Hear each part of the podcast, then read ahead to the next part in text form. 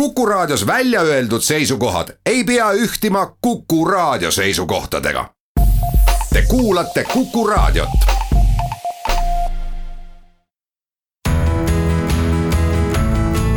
kuku Raadio nädala kommentaar. mina olen Kivisildnik ja loodetavasti pole ma ainus, kes on märganud, et maailm on tasapisi hulluks läinud. jälle meie meedias, poliitikas ja avalikus elus annavad tooni isikud, kellel on väga raske orienteeruda tegelikkuses. sageli kannatavad nad globalistlike, vasakekstremistlike ja kõikvõimalike seksualistlike sundmõtete all.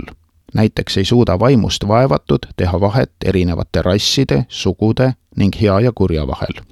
ma näen siin doktor Tõrva ja professor Sule süsteemi.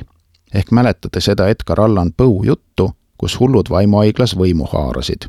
kogu lugupidamise juures meie liitlaste klassika vastu on nõdrameelsuse teemal kirjutatud palju nüansirikkamaid ja sügavamaid raamatuid.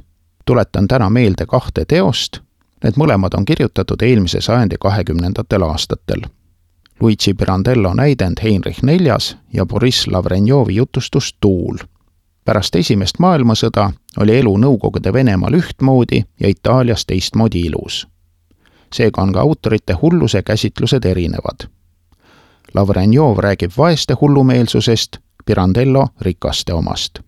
me oleme rikaste riikide hulgas üks vaesemaid, seega kõnetavad meid mõlemad raamatud. Heinrich Neljas ja Tuul ilmusid Loomingu raamatukogus seitsmekümnendatel aastatel.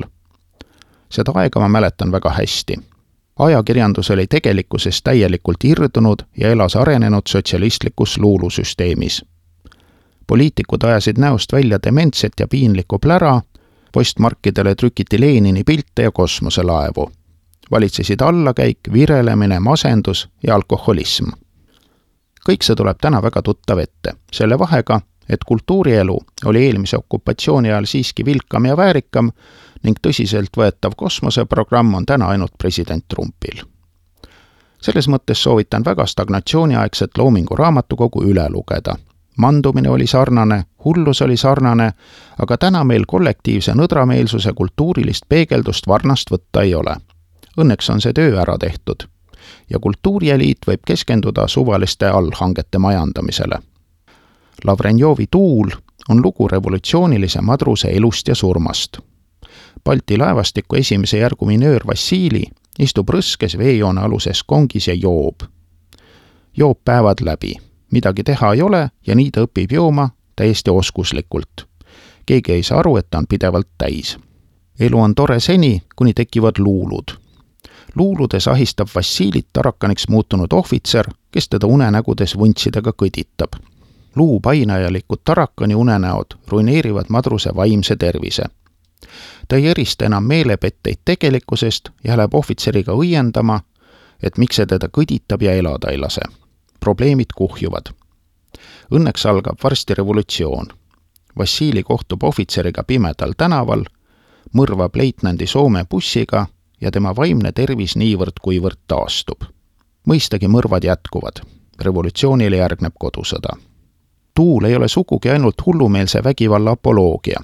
jutustuses leidub ka põnevaid proletaarse seksi episoode revolutsioonilise vägivalla põhjendamine alkoholismi ja luuludega on aga üks helgemaid ja ausamaid lehekülgi sotsialistliku realismi hale naljakas ajaloos. lugege Lavrenjovi.